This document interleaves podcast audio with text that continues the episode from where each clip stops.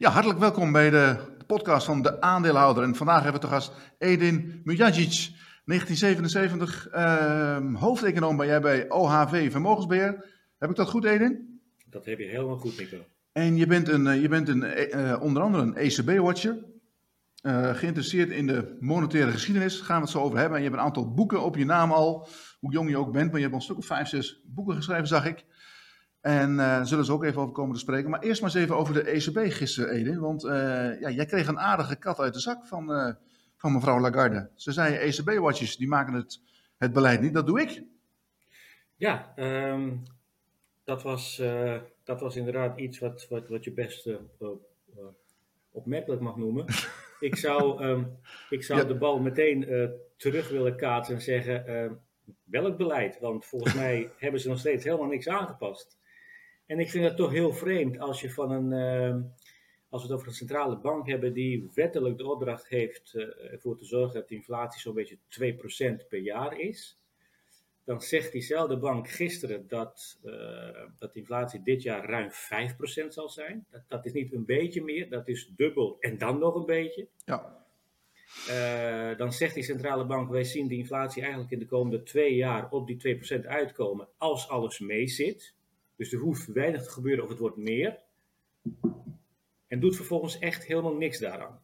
Nee. Dus um, was het maar waar dat ECB watchers uh, het beleid aan het maken waren, dan was het waarschijnlijk uh, voor de maatschappij een beter beleid geweest dan wat zij nu doet. Ja. Maar wat had je dan gedaan nu? Wat, wat zou je ze willen aanraden? Want het, het, is natuurlijk wel een duivels dilemma. Ze zien aan de ene kant uh, enorme inflatie. Hè? Wordt ook... Nou, daar ben ik dus niet met je eens. Daar ben ik niet met je eens. Um, ik denk dat op het moment dat je begint over het is, het is een duivels dilemma, dat je daar in feite in het narratief van de ECB meegaat. Mm -hmm. Er is niks duivels aan als jouw opdracht is zorgen op, voor 2% inflatie op middellange termijn. Ja. En als, zoals gisteren, je eigen economen zeggen, als we twee jaar vooruit kijken, dan zien wij inflatie op 2% uh, komen. Dan is er niks duivels aan. Het, uh, een van de dingen die dan ontzettend helder zijn, uh, is een 0% rente hoort daar niet bij. Nee, dat klopt. Maar ik, ik bedoel met mijn duivelse dilemma op het feit dat door die hoge inflatie de economische groei waarschijnlijk onder druk komt te liggen. Als ik ja, kijk wat de Atlanta Fed nu, nu bijhoudt, dan uh, steven we af op nul of misschien nog lager zelfs. Um, en dan zou je, hè, ze hebben natuurlijk de afgelopen jaren de economie alleen maar ges, ge, gestimuleerd. Um, dan zit je aan de andere kant van de medaille. Hoe, hoe kijk je daar kijk, dan naar? Kijk, uh, waar jij het nu over hebt, dat is natuurlijk een groot probleem voor de ECB. Want je wilt aan de ene kant uh, de rente verhogen om te, ervoor te zorgen dat die inflatie niet uit de hand loopt. Maar je weet ook dat als je de rente verhoogt, dat remt de economische groei af. Ja. Dus dat is wel een probleem. Dat ben ik met je eens. Ik denk wel dat het probleem stukken minder was geweest als de ECB um, in, de, uh, in een aantal goede jaren die we achter de rug hebben, 2014, 2015, 2016, de rente wel een beetje had verhoogd. Uh, dat hebben ze nagelaten. Dus ja, het is een probleem, maar met alle respect, ik denk dat het een probleem is dat echt gecreëerd is door de bank zelf. Ja. Um, omdat je in de goede jaren nagelaten hebt de rente te gaan verhogen, wat de Fed destijds wel heeft gedaan. Um, nou, uh, uh, ook dan zeg ik, je, je, hebt gelijk, het is een probleem. Je wilt de rente nu eigenlijk niet verhogen, want dat kan de economische groei schaden. En ik ben ook niet iemand die zegt dat de ECB de rente gisteren had moeten verhogen of, of volgende maand moet verhogen, bij wijze van Mhm. spreken. Mm -hmm. Maar het minste wat je had kunnen doen, het minste wat je in mijn ogen had moeten doen als centrale bank, gegeven die verwachting over inflatie waar ik het daar net over had, ja. is de buitenwereld er gaan, erop gaan voorbereiden dat de rente binnen afzienbare tijd omhoog zal gaan, omdat die omhoog moet gaan. En dat is wat de Fed al uh, vorig jaar heel duidelijk heeft gedaan. Uh, dat is waar de markt nu ook rekening mee houdt. Uh, je ziet dat de Fed dat echt heel magnifiek heeft gedaan, want we hebben de, de, de, de voorzitter van de Fed gehad, die, die op, op een gegeven moment ook in een persconferentie zei: we, wij willen de rente drie, vier keer verhogen. En de markt reageerde daar nauwelijks op, op, omdat de markt voorbereid werd. En dat laat de ECB wel na. Dus je ziet wel, je zag gisteren ook best wel een heftige reactie hè, op de beurs. Uh, eerst omlaag, daarna weer omhoog. Ze wisten het eigenlijk niet goed. Um, wat voor onderscheid maak je tussen bijvoorbeeld het, afbouwen van het, van opkoopprogramma, wat nu wel, dat wordt wel ietsje versneld afgebouwd, begreep ik, en de eventuele serie van, van renteverhogingen. Um, gaat dat afbouwen behoorlijk impact hebben, of is het zoiets van, nou, dat, dat, dat weet de markt nu? Nou, um, wat ECB gisteren heeft gezegd is, wij gaan, uh, uh, wij gaan volgende maand 40 miljard euro spenderen aan het opkopen van staatsobligaties. Dat wordt dan een maand later 30 miljard. 20 miljard. Met als bedoeling om in het uh, derde kwartaal van het jaar er mee, uh, helemaal te gaan stoppen. Mm -hmm. um, um, gaat dat uh, gevolgen hebben op die markt? Jazeker, want een van de belangrijkste redenen waarom de lange rentes hier bij ons zo ontzettend laag zijn, heeft er simpelweg mee te maken dat er op die kapitaalmarkt één koper met ongelimiteerd uh, diepe zakken al jarenlang alles aan het opkopen is. Dat betekent heel simpelweg, uh, kijk, we kunnen daar heel ingewikkeld verhaal van maken, maar nee, dat we dat niet doen, want het is heel simpel. Uiteindelijk kun je alles en ook de prijsvorming op de kapitaalmarkt herleiden tot de verhouding tussen vraag naar obligaties ja. en aanbod ervan. En als je dus één opkoper hebt die eigenlijk zonder limiet aan het opkopen is, dat verstoort de verhouding tussen vraag en aanbod. Dus op het moment dat de ECB langzaam maar zeker uh, minder gaat spenderen uh, op die kapitaalmarkt, dan mm-hmm. komt die verhouding meer uh, in, in, in balans met elkaar. En krijgen de lange rentes weer, sinds, een lange tijd, de ruimte om te reageren waar de lange rentes altijd op reageren, namelijk de verwachtingen over economische groei op termijn en verwachtingen over inflatie. En beide zijn zodanig dat een rentestijging in een beetje normaal functionerende kapitaalmarkt, dus zonder het verstorende effect van de ECB, ligt een rentestijging veel meer voor de hand dan dat de rente laag blijft. Ja, logisch. Hoe kijk jij aan tegen economische groei? Want ik, ik, uh, ja, ik lees je, je nieuwsbrieven regelmatig. Jij was best wel positief toen we, uh, zeg maar een half jaar geleden, toen we uit de corona kwamen. Um, denk jij dat die, die hoe, hoe zie je die hoge inflatie? Is dat echt een bedreiging voor de economische groei? Of, of misschien omdat het tijdelijk is, dat, het, dat we het wel aan kunnen? Het, het, het, het, um, het, lastige hieraan is dat je, dat je uh, rekening moet houden met een aantal zaken. Eén is dat uh, de huidige hoge inflatie wordt inderdaad veroorzaakt voor een belangrijk deel door uh, eenmalige factoren die in loop der tijd weg gaan vallen. Dus die inflatie gaat richting het einde van het jaar echt uh, voelbaar lager worden. Uh, richting 2, 3 procent? Of? Nou ja, uh, als ik de ECB eh, mag geloven, gisteren richting 5 procent. ja, ja, dit jaar. Dit jaar. En ja. daarna zakt hij weer, weer verder. Dat is het goede nieuws. Um, hoge inflatie die langdurig te hoog blijft, remt economische groei af. Heel simpel, in Nederland hebben we het heel vaak over dat wij, wij exporteren veel, we handelen veel met de landen in de wereld, dat levert economische groei op. Dat is ook waar. Maar onze, de kurk waar onze economie op drijft, is toch echt wat wij, jij, ik en anderen, spenderen in eigen land. En zou de inflatie heel lang veel hoger zijn dan de stijging van de lonen, dan gaat het ten koste van economische groei, omdat je simpelweg minder geld hebt om uit te geven.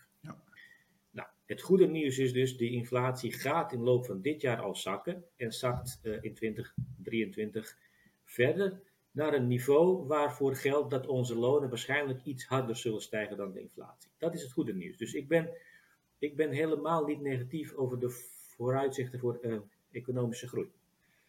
Um, um, ik zou er wel een, een, een, kanttekening bij willen plaatsen dat de verwachting voor die groei die we nu hebben, 3, 4, 5 procent misschien dit jaar, dat is ook, net als bij de inflatie, spelen daar ook tijdelijke factoren mee. En een van de tijdelijke factoren is, we zijn nog steeds aan het herstellen van de pandemie in 2020 en 2021. En dan moet je het echt zien als, um, um, als een soort bungee jump, uh, zeg maar. Als je gaat springen, dan kom je eerst in een vrije val. Dat was het jaar 2020 en het eerste deel van 2021. Nadat je het laagste punt bereikt hebt, veer je weer op. Nou, dat is wat we nu meemaken. En als dat opveren achter de rug is, dan stabiliseer je op een beetje normaal niveau. En dat is wat we volgend jaar mee gaan maken. Dus die groei is nu nog steeds aan het herstellen. Ja. Uh, dat uh, loopt in loop der tijd uh, uit, die cijfers. En we houden dan, als we naar het volgende jaar kijken, houden we keurige doorsnee economische groei. En doorsnee economische groei bij een doorsnee inflatie, daar hoort, dat is wat ik eerder al zei, daar hoort geen 0% rente bij. Vandaar dat ik zeg, de ECB had op zijn minst de buitenwereld moeten beginnen uh, voor te bereiden op stijgende rentes. Ja. Is, is het zo dat de, de ECB, we hebben het er vaak over gehad, van over de, de Zuid-Europese landen, dat die met hoge schulden zitten. Is het zo dat de ECB bewust toch wel expres de rente laag wil houden? Ook omdat we bijvoorbeeld um, we heel veel geld moeten uitgeven de komende jaren dan niet alleen de energietransitie, maar nu ook bijvoorbeeld defensie en, en het uh, onafhankelijk worden van Rusland, van die energievoorzieningen. Uh, dat ze, ik heb het idee dat, dat, dat Lagarde, ja, er wordt wel gezegd dat uh, zij niet alleen een bankbestuurder is, maar ook meer een politiek dier. En dat ze heel graag meedenkt, hè, en dan drukt ja. nog rustig uit, uh, in, in de energietransitie en dat ook graag mee wil betalen op een of andere manier. Nou kijk, uh, hier zie je eigenlijk um, het voorbeeld wat ik voor ogen had toen wij te horen kregen dat Lagarde de nieuwe president van de ECB zou worden. het benoemen van een politicus of politica in dit geval uh, aan het hoofd van een centrale bank uh, zorgt er in ieder geval voor dat je altijd met dit soort discussies blijft zitten van zou ze dan niet uh, meer oog hebben voor. En dat is ongewenst. Hm. Dus dat alleen nou levert ruis, levert enige onzekerheid in de markt. En dat, dat, dat moet je niet willen. Um, over die rentes in, in, in um, in een aantal eurolanden die zeer hoge schulden hebben. Kijk, de ECB zal natuurlijk nooit zeggen dat de bank daarop let. Nee. Uh, dat kan de ECB ook niet doen, want de wet schrijft voor: je hebt maar één taak, zorg voor lage inflatie, niet zorg voor lage rentes. Um, maar goed, uh, als je de afgelopen twee jaar goed hebt geluisterd naar de ECB, dan hoor je tijdens elke persconferentie uh, dat de ECB wil zorgen voor iets wat zij gunstige financieringsvoorwaarden noemen. En als ik een presentatie geef hierover, zeg ik altijd tegen mensen: als je iets onthoudt van deze avond, want het is meestal in de avond, dan is het de term gunstige financieringsvoorwaarden. Het klinkt heel onschuldig. Het klinkt zo ontzettend vaag ook. Maar waar komt het op neer, Nico? Een lage rente. Financieringsvoorwaarden gunstig houden is gewoon een ander woord voor we willen de rentes laag houden. Um, dus uh, dat is zeer zeker iets waar de ECB op let. Dat is niet hetzelfde als zeggen dat de ECB daarom de rente nooit gaat verhogen. Daar geloof mhm. ik niet in. Nee.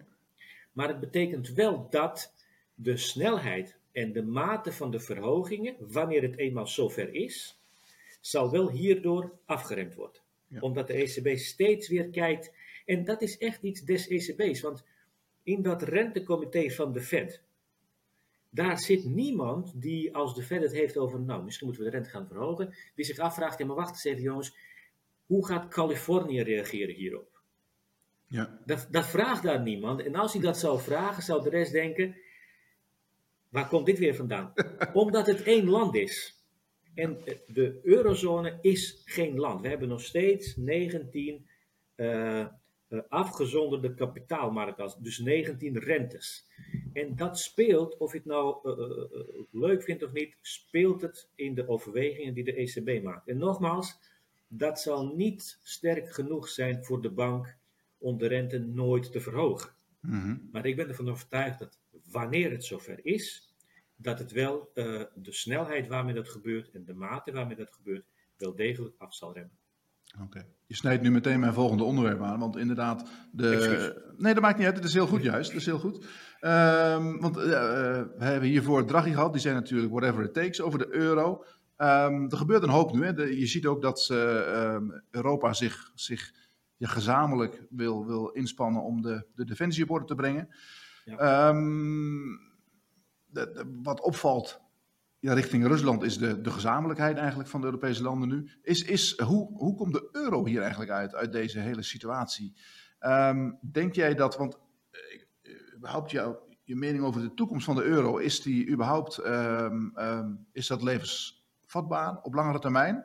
Of zijn wat jou betreft die verschillen tussen al die, die, die verschillende landen onoverkomelijk eigenlijk om daar gewoon één stabiele, uiteindelijk een soort dollar van te maken? Nou kijk, dat je verschillen tussen landen hebt, ehm, dat mag je en dat kun je nooit gebruiken als argument voor dat een munt niet levensvatbaar is. Laten we niet vergeten, de verschillen tussen Amerikaanse staten zijn ook heel groot. Ja, Ehm, die verschillen in Amerika doen er niet toe als we het over de levensvatbaarheid van de dollar hebben. Eh, om één simpele reden, dat Amerika één kapitaalmarkt heeft. Dus die renteverschillen tussen de lidstaten, eh, als ik het even zo mag zeggen, in Mhm. Amerika, eh, die zijn er niet. Die doen er ook niet toe. Nee. Ehm, als ik terugkijk naar de afgelopen twee jaar bijvoorbeeld.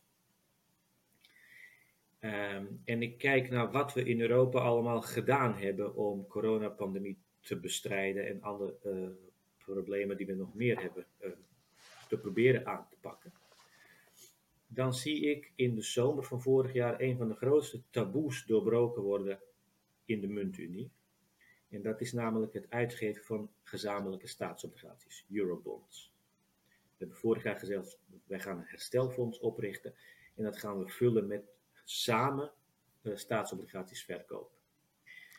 Ehm, toen was de afspraak dat het een tijdelijk en eenmalig iets zou zijn. We hebben vorige week al eh geleide gehoord van, ja weet je, als we met z'n allen die groene transitie willen doen, dan liggen weer nog meer gezamenlijke staatsobligaties eh, voor de hand. defensie nu. Eh, ik, ik bedoel, de les van afgelopen 50 jaar Europese integratie, een van de lessen daarvan is, als eenmaal iets wordt gebruikt, dan is het niet tijdelijk meer. Dan wordt het daarna eh, ook aan, aan de lopende band Ja. gebruikt, omdat de lat om iets te doen veel lager is eh komen. Precies, ja. nou, als ik dat relateer aan jouw vraag over levensvatbaarheid van de euro, dan kan ik me heel goed voorstellen dat naarmate er meer van die eurobonds uitgegeven worden, dat er ook een soort Europese kapitaalmarkt zal ontstaan met een Europese rente. En dat zal eh, de levensvatbaarheid van de euro eh, aan zich eerder helpen ja. dan niet helpen. Dus je zegt, Ja. Maar ik zou tegen de, de, de, vurige voorstanders daarvan ook eh, willen zeggen dat je moet letten op een ander kenmerk eh, die je eh, bij de Amerikaanse staten zoals Californië en New York en zo ziet.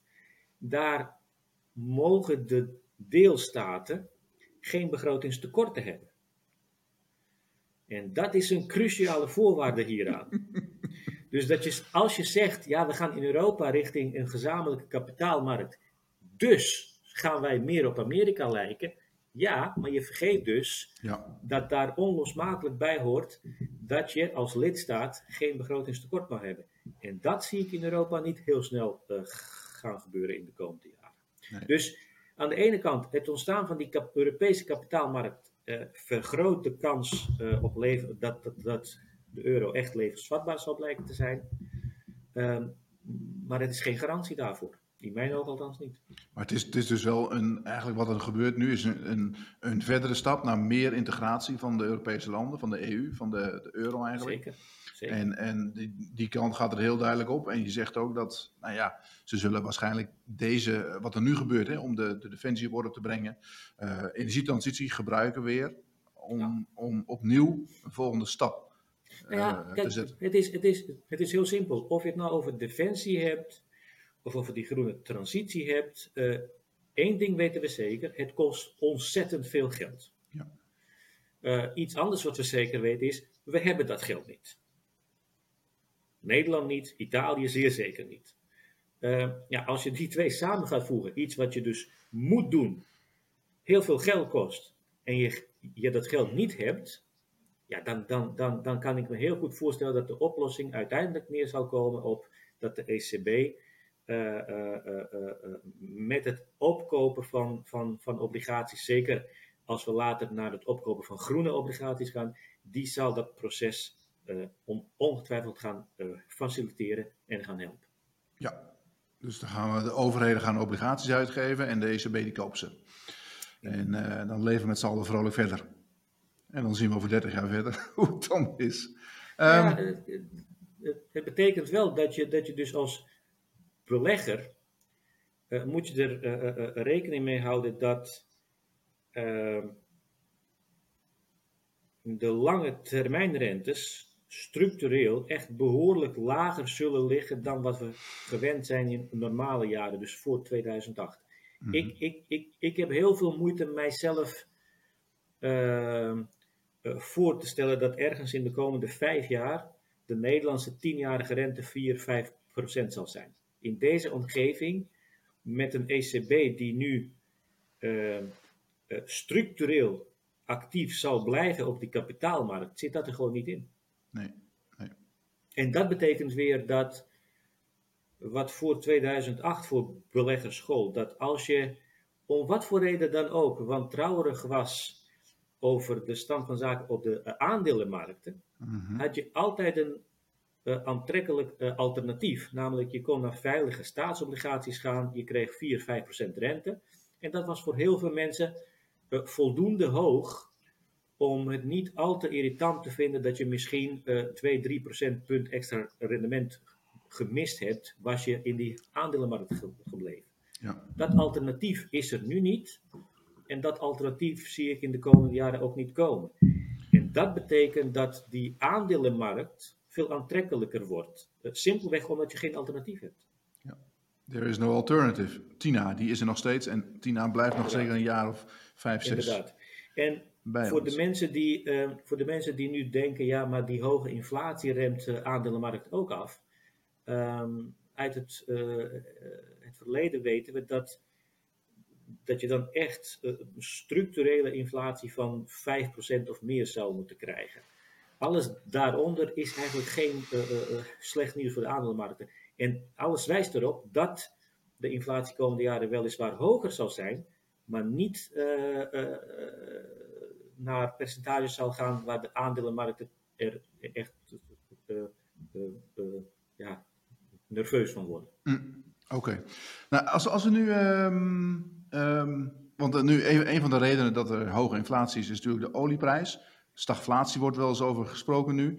Um, lijkt een beetje misschien op de situatie in de jaren 70. Hè? Toen, toen, was ook olie eigenlijk de boosdoener. Nu heb jij een boek geschreven, Keerpunt 71. Dat ja. gaat meer natuurlijk over, over het loslaten van de goudstandaard. Maar ja, dat, je hebt natuurlijk die, die periode bestudeerd, neem ik aan. Um, zie je vergelijkingen met nu? Met de, de huidige situatie? Dat de aanbodkant van de energieprijzen de, de, de moeilijkheid is?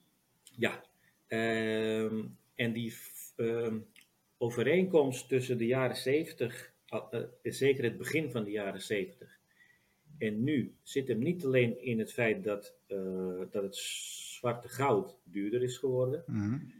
maar een andere uh, overeenkomst die mij, uh, die mij toch wat meer zorgen baart, is dat de reactie van de centrale banken nu heel sterk lijkt op initiële reactie van de centrale banken begin jaren 70. Namelijk, het waait wel over, uh, we hoeven niks te doen.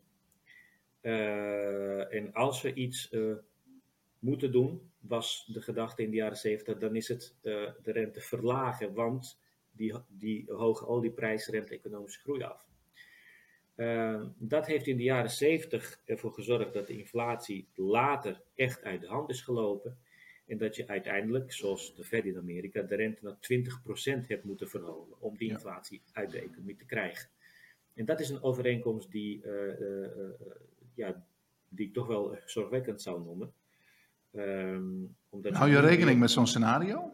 Nou, kijk, waar ik naartoe wil is, is, is het is zorgwekkend dat je, dat je dus niet um, vroegtijdig als centrale bank ingrijpt om te voorkomen dat het uit de hand loopt. Aan de andere kant, uh, de wereld is in de afgelopen 50 jaar natuurlijk ook ingrijpend gewijzigd. En een van de relevante wijzigingen voor waar wij het nu over hebben is. Kijk, de jaren 70 waren. Hoe moet je het zeggen? Dat, dat, dat, dat, dat, was, dat was allemaal een beetje uh, amateuristisch. In de zin van. Als de centrale bankiers de geldkraan open hadden gedraaid in de jaren 70, dan vloeide dat geld heel snel naar de mensen toe. Mm -hmm. het aantal mensen dat toen belegde in aandelenmarkten voor obligaties was natuurlijk heel klein. Ja. En dat is een wezenlijk verschil tussen nu. Waar het opendraaien van de geldkraan in de jaren 70 uh, ertoe leidde dat het geld heel snel naar wat wij economen reële economie noemen vloeide, naar jou en naar mij, zeg maar. Mhm. En wij gaven het uit. Besteden, ja. Dat gebeurt nu veel minder.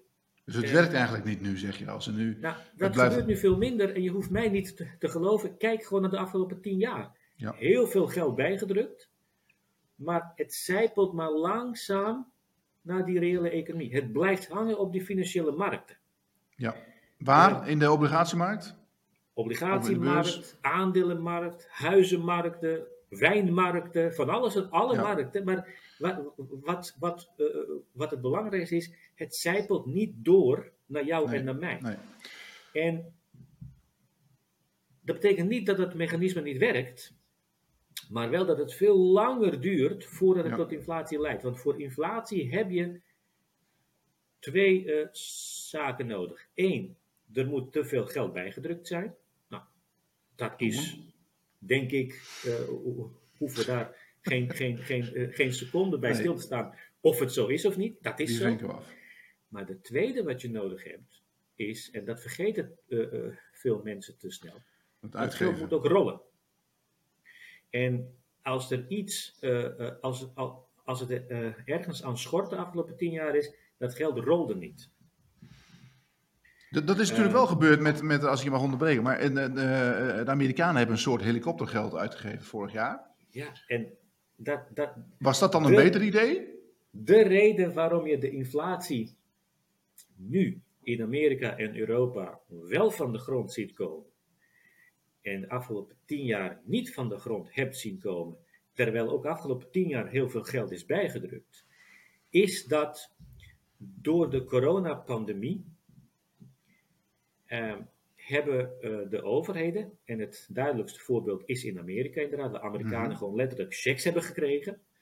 Die hebben gezegd, wij gaan de economie helpen door, als het ware, die uh, ingewikkelde, eh, kapotte, volgestopte leidingen van de centrale bank naar jou en mij, die slaan we over. We leggen een nieuwe leiding aan, die linea recta van de geldkraan naar jou en mij gaat.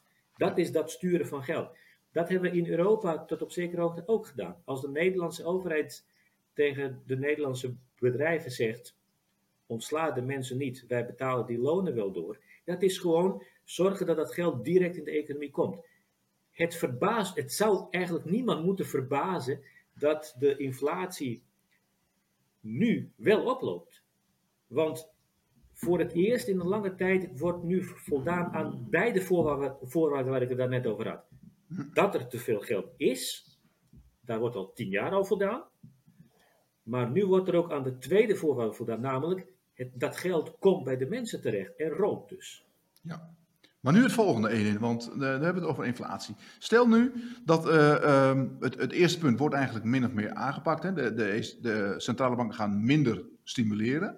Dus ja. dat loopt een beetje terug, ze blijven nog steeds stimuleren. Maar het tweede punt, um, dat de mensen nu het geld uitgeven, dat ja. is misschien ook een beetje omdat we ja, vanuit de corona hebben heel veel mensen geld gespaard, geld overgehouden. Maar nu komen er hele hoge energieprijzen aan, we krijgen een hoge gasrekening straks. Uh, het consumentenvertrouwen zal wel uh, uh, nou, behoorlijk fors omlaag gaan, denk ik. Helemaal nu met de dreiging vanuit het, het oosten. Um, loopt dat tweede punt dan geen gevaar nu? En, nou, kijk, en, en, zal er door de inflatie toch weer, weer terugzakken? Wat, wat, wat, wat een van de belangrijke argumenten was voor de verwachting voor die geweldige economische groei dit en volgend jaar, was het feit dat we met z'n allen noodgedwongen heel veel geld hebben bespaard vorig jaar. Want, uh, en, en, en, en in 2020, om de simpele reden, je kon het niet uitgeven Nee. met al die lockdowns. Er zijn uh, schattingen die zeggen dat de, de uh, omvang van gedwongen besparingen in de eurozone, die komen neer op zo'n 8% van het BBP. Dat is behoorlijk. Dat is behoorlijk. Nou, als je, als je daar een fractie van uh, uitgeeft, jaagt dat economische groei aan. Uh, dat gaat ook gebeuren. Het probleem met die hoge uh, energieprijzen nu, is dat helaas een groot deel van dat extra geld uitgegeven gaan worden aan het eten, aan je gasrekening, aan je stroomrekening en niet aan een nieuwe bank, nieuwe stoelen, et cetera. Um, dus het zorgt er nog steeds voor, voor, voor economische groei. Maar het is wel een scheve economische groei, omdat je het niet spendeert aan zaken waar je het anders uitgegeven zal worden. Je moet het spenderen aan zaken om gewoon in staat te zijn om je rekeningen te betalen. En dan hou je minder geld over voor uh, naar de bioscoop te gaan, naar een restaurant te gaan. En al die uh, dingen die we normaal gesproken wel zouden doen, als de energierekening een beetje normaal is. Ja. Dus de extraatjes die gaan er wat af, zou ik maar zeggen. De extraatjes, die gaan er vanaf. Oké. Okay. Um, dan even over je boek. Um, nou, nee. Wat, Wacht ja? even, als ik, je, uh, uh, ik vind het heel belangrijk om nog iets anders te melden, omdat ik merk dat mensen dat niet helemaal doorhebben. Kijk, zeker als we het over de Fed hebben, die is van plan om de rente nu drie, vier keer te gaan verhogen dit jaar. Ja. En daar ontstaat het beeld van, van nou, dat die bank komt heel krachtig in actie om de hoge inflatie aan te pakken. Dat is voor een deel waar. Um, in de uh, monetaire economie hebben wij een aantal regels en een van die regels gebruiken we om uh, eigenlijk uit te rekenen wat de rente van de Fed moet zijn gegeven een gewenst uh, stand van inflatie en een beetje normale economische groei. Mhm. Uh, die regel heet de Taylor-regel. En dan moet je dus de gewenste inflatie invullen, uh, doorsnee economische groei, er zijn er nog een paar parameters. Als je dat doet, rolt er de rente die je als Fed moet hanteren, om die inflatie een beetje stabiel te houden rond die 2%. Ja, ja. Nou, als ik nu die regel erbij pak en ik ga de cijfers invullen, dan rolt daar een, een uh, rente van tussen de 6 en 8% uit. En dat is niet toevallig de rente die we voor 2007, 2008 hadden. Dat is de stand van de Fed-rente die de, uh, die de inflatie niet aanjaagt, maar ook niet afremt. Maar gewoon keurig rond 2% houdt. Dus vergeet niet, voor de mensen die hier naar kijken of hier naar luisteren, vergeet niet dat die renteverhogingen van de Fed, ook al is het vier keer dit jaar, als de Fed-rente daarmee naar anderhalf procent of zelfs 2% wordt gebracht, ben je nog steeds ver verwijderd van het niveau wat je moet hebben om die inflatie stabiel laag te houden. Ja. Dus deze renteverhogingen die zijn min of meer symbolisch. Om te laten zien, we doen iets, we zitten er bovenop. Inderdaad. Maar, maar uh, echt afremmend wordt het pas bij niveaus van 4, 5, 6 procent. En daar zijn we nog bij lange na niet. Maar goed, hun argument is dan, deze inflatie is tijdelijk of is uh, ja, veroorzaakt door externe factoren die, die misschien uh, ja, later dit jaar weer afzwakken. Ja, dat Dus- is ook zo. Alleen het mooie van die regel, en daarom noem ik het ook, is wat je daar invoert, is niet 7% inflatie die we nu hebben, maar 2%. Dat is waar Oké. je naar streeft. Dus Ja. die regel zegt, je moet, je moet eigenlijk 6% rente hebben om inflatie op 2% langdurig te houden. Ja, ja, ja, ja Ehm, oké. En daar kom je voorlopig nergens in de buurt van. Dat gaat niet gebeuren. Nee. Zie, je, zie je grote verschillen tussen trouwens over, over eh, tussen aan de ene kant Lagarde hier en, en eh, Powell in Amerika? Ja. Powell staat er over het algemeen heel goed op bij, bij de, de, de, de, de analisten, zou ik maar zeggen. Ja, kijk, kijk het is, het is um, um, elke keer als je de persconferenties van de twee centrale banken volgt, uh, persconferenties van de Fed zijn echt genieten. Ehm, genieten waarom? nou, omdat Powell dingen heel goed weet, weet over te brengen, legt het goed uit, ehm, is in mijn optiek realistischer dan de ECB. En het mooiste voorbeeld vond ik toch nog steeds de persconferentie van december vorig jaar. Waarin hij achter het spreekgestoelte kwam en zei: Wij gaan uh, helemaal stoppen met opkopen van staatsobligaties binnenkort. Wij gaan de rente drie of vier keer verhogen. Uh, waar hij de vraag kreeg: Sluit u uit dat u de rente zeven keer gaat verhogen? En zei: Nee, dat sluit ik niet uit. Mm -hmm. En terwijl ik naar zijn woorden luisterde op mijn ene scherm, keek ik op mijn andere scherm hoe reageert de markt daarop. En als ik dat tweede scherm niet had gehad, dan had ik waarschijnlijk gedacht, nou, de aandelenkoers, ik weet niet hoe, hoe hard ze zijn gezakt, maar dat ze zijn gezakt, dat staat vast. De aandelenkoersen stegen daarop. En dat betekent dus dat hij in mijn ogen echt een meester communicator is. Um, hij, hij, hij is ook in staat om een voor de markten uh, ongunstige uh, uh, nieuws, zeg maar, ja. te communiceren zonder dat de markt in paniek raakt. Dat, dat, is bij de ECB echt heel anders. En dat is wel van belang, want bij Powell en bij de Fed in het algemeen heb je toch meer feeling dat die bank uiteindelijk zal doen wat die moet doen. En dat is bij de ECB veel minder. Ja. Is, is Draghi, was hij dan meer uh, als Powell, zou ik maar zeggen? Omdat hij toch ook wel, ja. Die was ook ja. vrij duidelijk in zijn uitspraak. En was ook iemand waar men, waar men vertrouwen in had. Kijk, Van hij, uh, hij doet misschien wel zijn eigen zin, maar hij regelt het wel. Nee, maar kijk, ik denk dat we onderscheid moeten maken tussen het niet eens zijn met een president van de ECB en hoe hij of zij uh, uh, dingen die ze zeggen communiceert. Mm -hmm.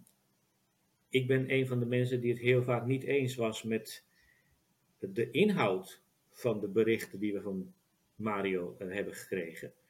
Maar ik ben wel de eerste die zegt dat elke keer dat hij dat deed, deed hij dat magnifiek. En de markt had ook vertrouwen in hem en in zijn woorden. Ja.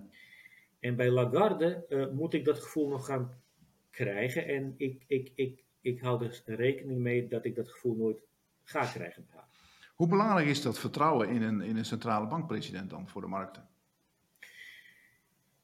Ik denk dat het een goede stelregel is uh, om te denken dat naarmate de situatie normaler is in de economie, des te minder belangrijk is dat je vertrouwen in het uh, ja. communicerend vermogen van de president van de centrale bank hebt. Dus de andere kant daarvan is, hoe meer onzekerheid er is in de economie en op de markt, des te belangrijker het is dat je dus vertrouwen hebt in de centrale bank.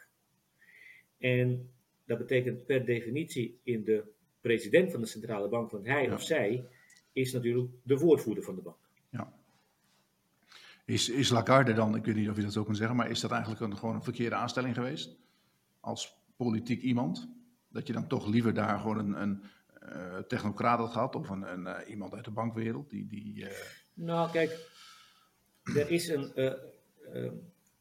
reden waarom wij 40 jaar geleden als, als samenleving de, de conclusie hebben getrokken dat een onafhankelijke centrale bankier dus iemand waarvan je uh, uh, denkt, nou hij of zij is, is, is, is echt onafhankelijk.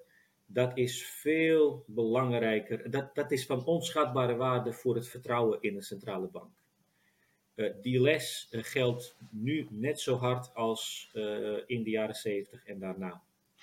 En dat betekent niet dat Lagarde niet onafhankelijk is. Ehm, maar het betekent wel dat ze altijd de schijn tegen zal hebben. Omdat ze uit de politiek komt. omdat ze geen eh, achtergrond heeft eh, in de wereld van de centrale banken. Eh, dat is altijd ongewenst.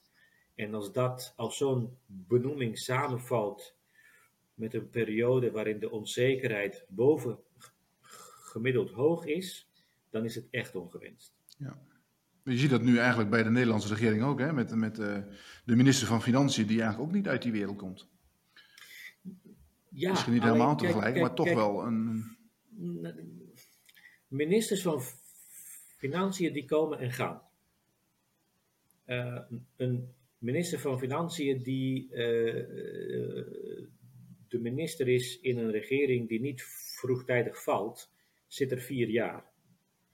Uh, de president van de ECB wordt aangesteld voor acht jaar. Ja. Ehm, de besluiten die de ECB neemt, die raken ons allemaal directer en langduriger dan de besluiten die het ministerie van Financiën neemt. Dus ik vind dat uh, eigenlijk niet te vergelijken. De benoeming van een centrale bankier is, is, is voor ons allemaal, hoe gek het ook misschien mag klinken, belangrijker uh, dan wie de minister van Financiën is. Dus het maakt eigenlijk niet zoveel uit in die zin. Mevrouw Kaag. Nee, um, niet. Oké, prima. Nog even over, uh, want we zouden even over je boek hebben, 1971, keerpunt. Sowieso wel, denk ik, even interessant om even te kijken naar goud nu. Hè, hoe, dat, uh, um, um, uh, hoe dat nu uitpakt. Je ziet goud wat omhoog gaan op de onrust natuurlijk in Rusland. hoe, hoe, hoe want in jouw boek, je, je, je beschrijft het echt als een keerpunt. Dat is, dat is echt decisive geweest voor hoe de, de, ja, de geldmarkt eigenlijk sinds die tijd zijn eh, geëvolueerd.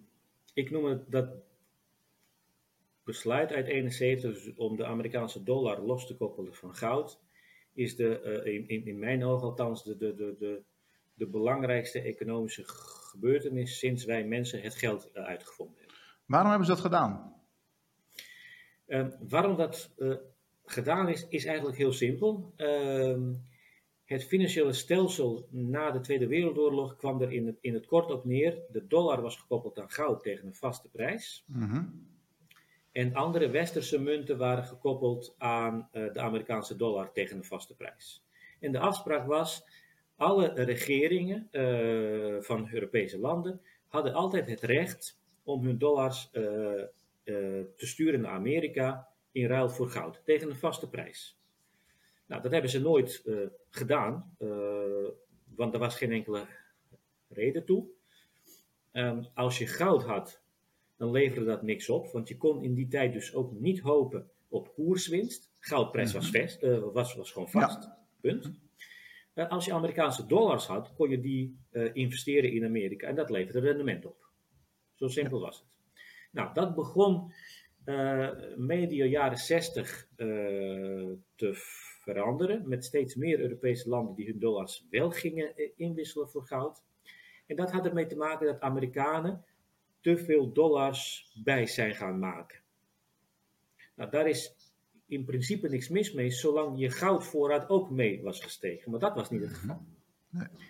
Dus het gevaar uh, bestond dat Ehm, als iedereen op een gegeven moment zijn dollars zou gaan inwisselen voor goud in Amerika, dat diegene die als laatste uh, in de rij zou staan, te horen zou krijgen: sorry, het goud is op.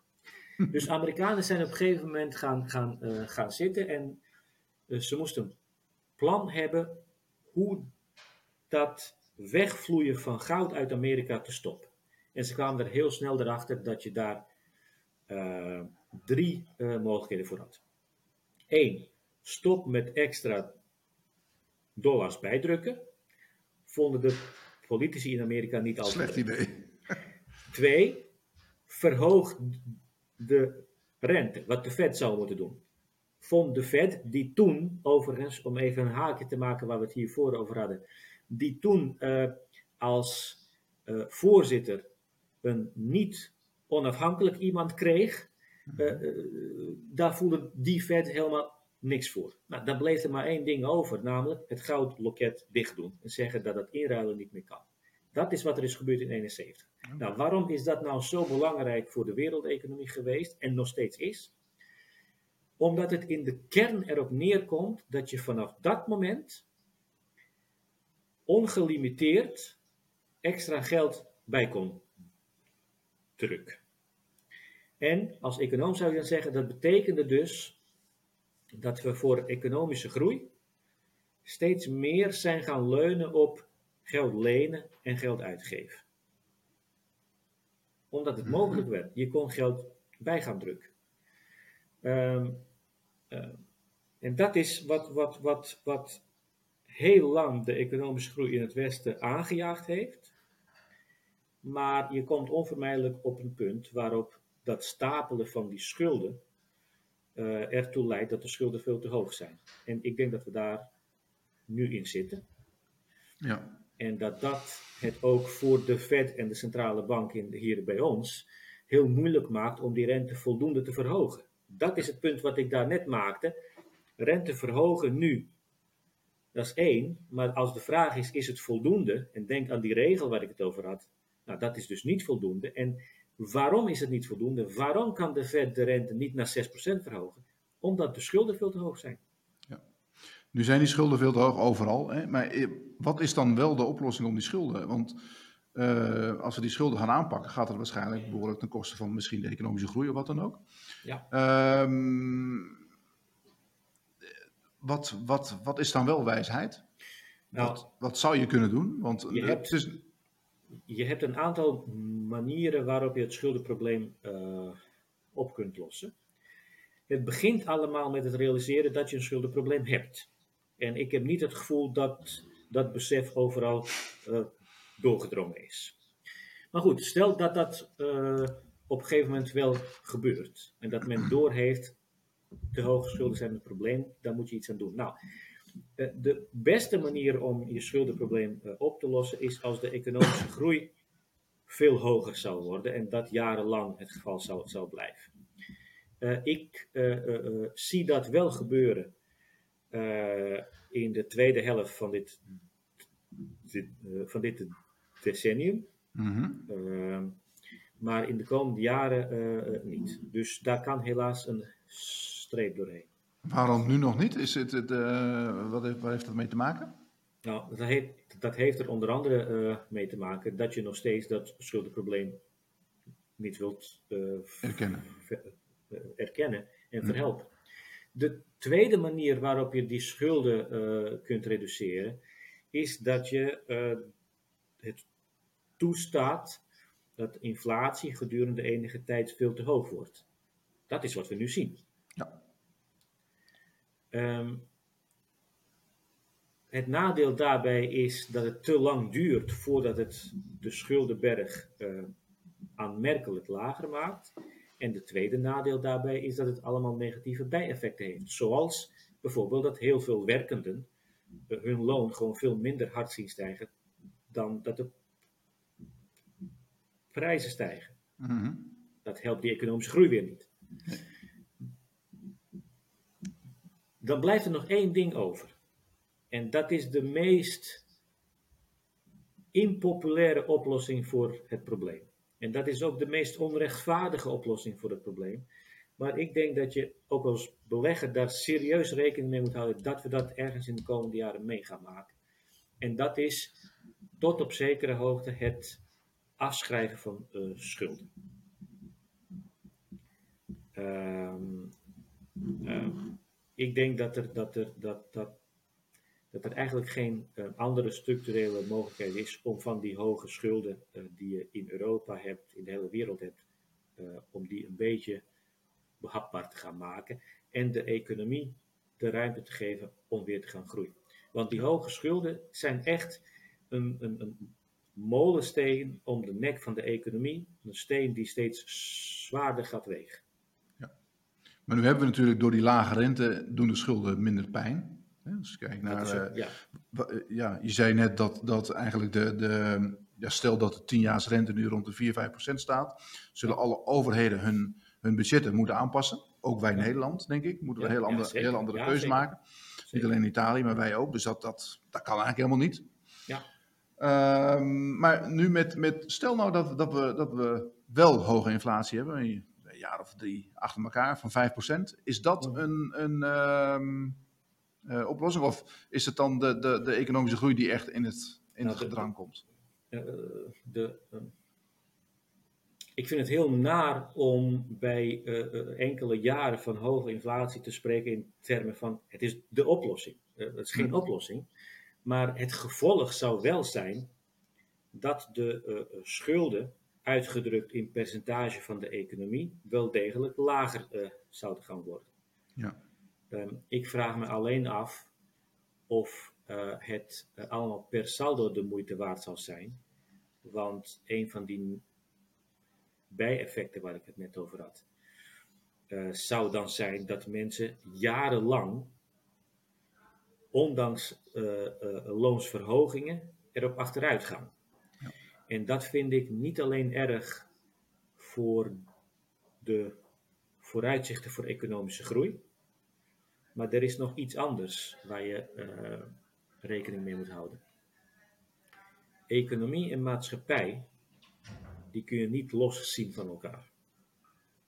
En als we in een situatie terecht zouden komen dat je drie, vier jaar lang 5% inflatie zou krijgen, wat, zou, wat dus zou betekenen dat een werkende drie, vier jaar lang erop achteruit gaat, elk jaar weer, ja.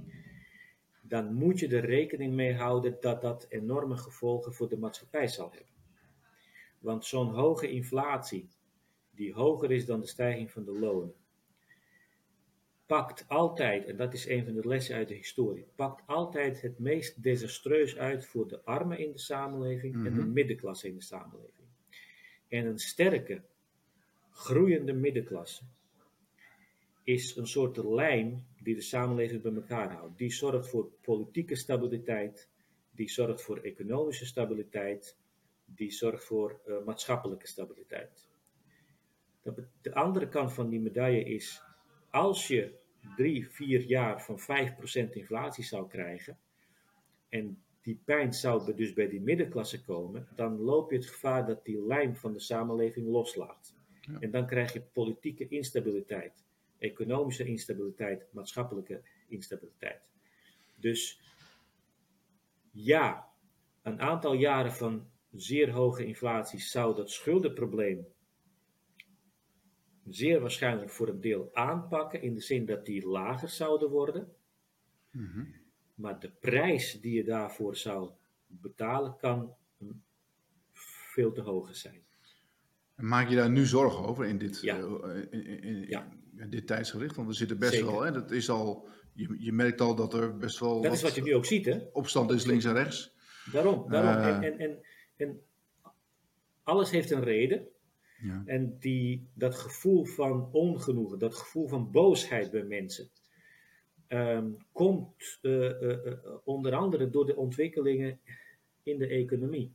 Komt door het besef van heel veel mensen dat die enorme welvaartsstijging van afgelopen 40, 50 jaar hen eigenlijk overgeslagen heeft. Wat in mijn ogen dus direct te herleiden is tot dat ene besluit in 1971. Mm ehm, het is ook niet voor niets dat je in de historie keer op keer ziet dat zo'n boosheid en uh, populisme, wat goed van de grond komt, komt altijd goed van de grond als het economisch minder gaat. Nooit als het economisch goed gaat. Nee. Ehm, dus ik maak me daar wel uh, zorgen over. En als ik dan een haatje mag doen naar waar we het eerder in dit gesprek over hadden, over die levensvatbaarheid van de euro. Die ontwikkelingen van uh, we gaan richting één kapitaalmarkt in Europa en verdere economische samenwerking in Europa, dat zijn allemaal zaken die de levensvatbaarheid van de euro vergroten. Ja. Maar dit waar ik het daar net over had, kan dat allemaal ongedaan maken. Als de situatie zodanig zou worden dat te veel mensen te lang veel te boos blijven, en dat zou zomaar kunnen gebeuren als inflatie drie, vier jaar lang veel te hoog blijft, ja. dan is het heel goed voor te stellen dat mensen, en zo zitten wij in elkaar, als het, als het niet gaat zoals je uh, uh, wilt dat het gaat, dan zijn wij mensen altijd, gaan we op zoek naar wie kan ik de schuld daarvoor geven. We moeten altijd iemand of iets hebben waarvan we kunnen zeggen, daar ligt het aan.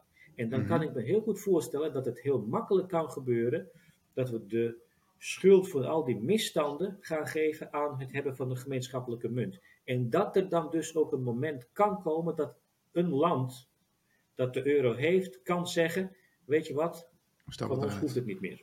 Nee. En vandaar, Nico, vandaar dat ik me zo opwind over het huidige beleid van de ECB.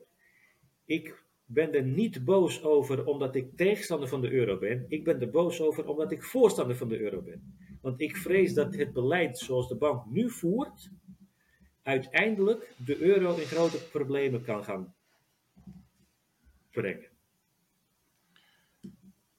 Maar wat had ze dan moeten doen, volgens jou? Wat had ze moeten zeggen? Stel, jij zit daar. Nou, wat ik, het minste wat ze gisteren had moeten zeggen is: wij hebben afgelopen tien jaar elke keer naar de Europeanen toegezegd: ga maar rustig slapen. Mocht de inflatie te hoog worden, wij zorgen, wij waken over uw geld. Dat is tien jaar niet gebeurd. Oké, dat gebeurt nu wel.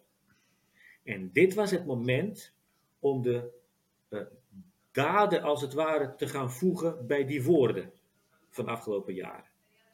En die daden zijn dan niet om de rente meteen te gaan verhogen. Ik begrijp ook heel goed dat daar niemand op zit te wachten. Ik begrijp ook heel goed dat de economie te fragiel is daarvoor. Maar het minste wat je had kunnen doen gisteren, het minste wat je had moeten doen gisteren, denk ik. En wat ik gisteren had gedaan als ik daar stond, was om luid en duidelijk en eh, naar iedereen te communiceren dat je je moet gaan voorbereiden op hogere rentes. En dat Wat de Amerikanen heb wel ik niet gedaan gehoord. hebben. En wat Amerikanen dus wel hebben gedaan. Ja. En dat heb ik gisteren bij de ECB niet gehoord. Hebben zij niet dat eh, een, een ja, kijk, Lagarde niet voldoende naar Amerika? Dus, want eh, de, de, bedoel, de Fed is toch een beetje de, de voorloper, dat is de grotere partij. Ja, Eh, is daar geen overleg of je werkt die oh, jawel, jawel. Alleen kijk, eh, uiteindelijk voer je als ECB natuurlijk het beleid gericht op eh, de inschatting in- van de situatie die jij maakt. Ja. niet die de Fed maakt. Dat gezegd hebben, dat is ook mijn, een van de redenen waarom ik verwacht dat de ECB in de komende twee jaar de rente gaat verhogen. Mhm. Ik bedoel, ik ben niet iemand die zegt gaat niet gebeuren. Het enige wat ik zeg is, het zal onvoldoende zijn, maar het gaat wel gebeuren. Maar een van de redenen waarom het gaat gebeuren is, de ECB volgt altijd de Fed. Na enige tijd. Laten we niet vergeten, het was de Fed die als eerste centrale bank de rente verlaagde naar 0%. De ECB volgde. Het was de Fed die begon met opkopen van staatsobligaties. Het was de ECB die volgde. Het is nu de Fed die begint met het helemaal stoppen daarmee en rente te verhogen. Ik, ik denk dat, dat de kans groot is dat de ECB volgend jaar ook zal volgen. Enige wat ik zeg, het enige wat, eh, wat voor beleggers ook van onschatbare waarde is dat je dat realiseert, is dat het niet alleen gaat over renteverhogingen, maar ook de vraag: is het allemaal voldoende? Gaat de rente komende jaren verhoogd worden door de ECB? Ja. Zal dat voldoende zijn om de, uh, uh, de, onzekerheid over het toekomstig verloop van de inflatie uit de wereld te helpen? Nee. Wat zijn de gevolgen daarvan? Ik denk dat je dus rekening moet houden met langdurig lage, lange rentes. Uh, wat, wat betekent dat die wel hoger zullen zijn dan nu, maar we gaan niet naar niveaus van voor 2008. En in het verlengde daarvan dat de aandelenmarkten, hoe hoog de koers-winstverhoudingen ook zijn, uh, extra aantrekkelijk zullen blijven de komende jaren, simpelweg omdat je geen alternatief hebt en geen alternatief zult hebben. Duidelijk. Goed. Ehm, eindconclusie. Beleggen blijft noodzakelijk. Min of meer eigenlijk. Hè? De ehm, rente wordt niet snel een alternatief voor ehm, lange termijn beleggers. En ja, dan gaan we maar kijken hoe het met de inflatie afloopt. Heb jij, want je zei in het begin nog om, om af te sluiten, we zitten al aan een uur, maar eh, ehm, de, ehm, de ECB zei dat de, die gaat uit van een inflatieverwachting 5,1%, 2,1 en dan 1,9 geloof ik. Ja. Gemiddeld, gemiddeld 3% over, over drie jaar. Ehm, hoe, hoe kijk jij tegen die verwachting aan? Is dat, is dat veel te, te, te, te gemakkelijk hoe ze erover denken? Of te, Nou, eh, als we dan heel even focus op de eh, inflatieverwachting voor 2024, want dat is waar het Ja. om gaat. Ehm, die is nu 1,9%. En eh, dat is een uitkomst die je kunt verwachten als eigenlijk vanaf nu alles meevalt. Dus als, ehm, als de gevechten die we nu zien, als het allemaal niet al te lang duurt, als Mhm. de olieprijs weer zakt, als de economie blijft groeien, eh et cetera. Ehm, als de eh, eh, tijdelijk hoge inflatie nu niet permanent wordt, in de zin dat de lonen gaan stijgen, eh, eh, nog meer gaan stijgen, et cetera. ja. Ik vind dat eh, heel veel eh alsen, als het ware. Ja. Dus de kans dat één of meerdere van die aannames niet eh, uitkomen, is in mijn ogen te groot om er vrij zeker van te zijn dat de inflatie in 2024 keurig op 1,9% zal uitkomen. Ik hou er rekening mee dat, eh, dat de inflatie in dat jaar eh, eh, hoger zal zijn dan die 1,9%. Ze zijn eigenlijk te positief, zeg je nu. Tenminste over de... En de dus, en, en dus dat de ECB, waar ik het daar net over had, Mhm. uiteindelijk de Fed zal moeten volgen. Ja, moeten daar wat aan doen. Alright. Nou, we zullen het zien. Ehm, spannende tijd. Dank voor het gesprek, Edin. Eh, we hebben weer een, eh, wat meer inzicht gekregen in hoe het allemaal ruilt en zeilt. Ehm, onder de video voor de luisteraars, kijkers, zetten we de link naar jouw laatste boek en ook je andere boeken, naar je website. Voor mij heb je ook een nieuwsbrief, best interessant is, die, eh, waar mensen op kunnen inschrijven, toch? Dan kom je daar één keer in de week door of één keer in de maand? Eén keer in de maand. Eén keer in de maand. Nou, die zullen we er ook even bij zetten.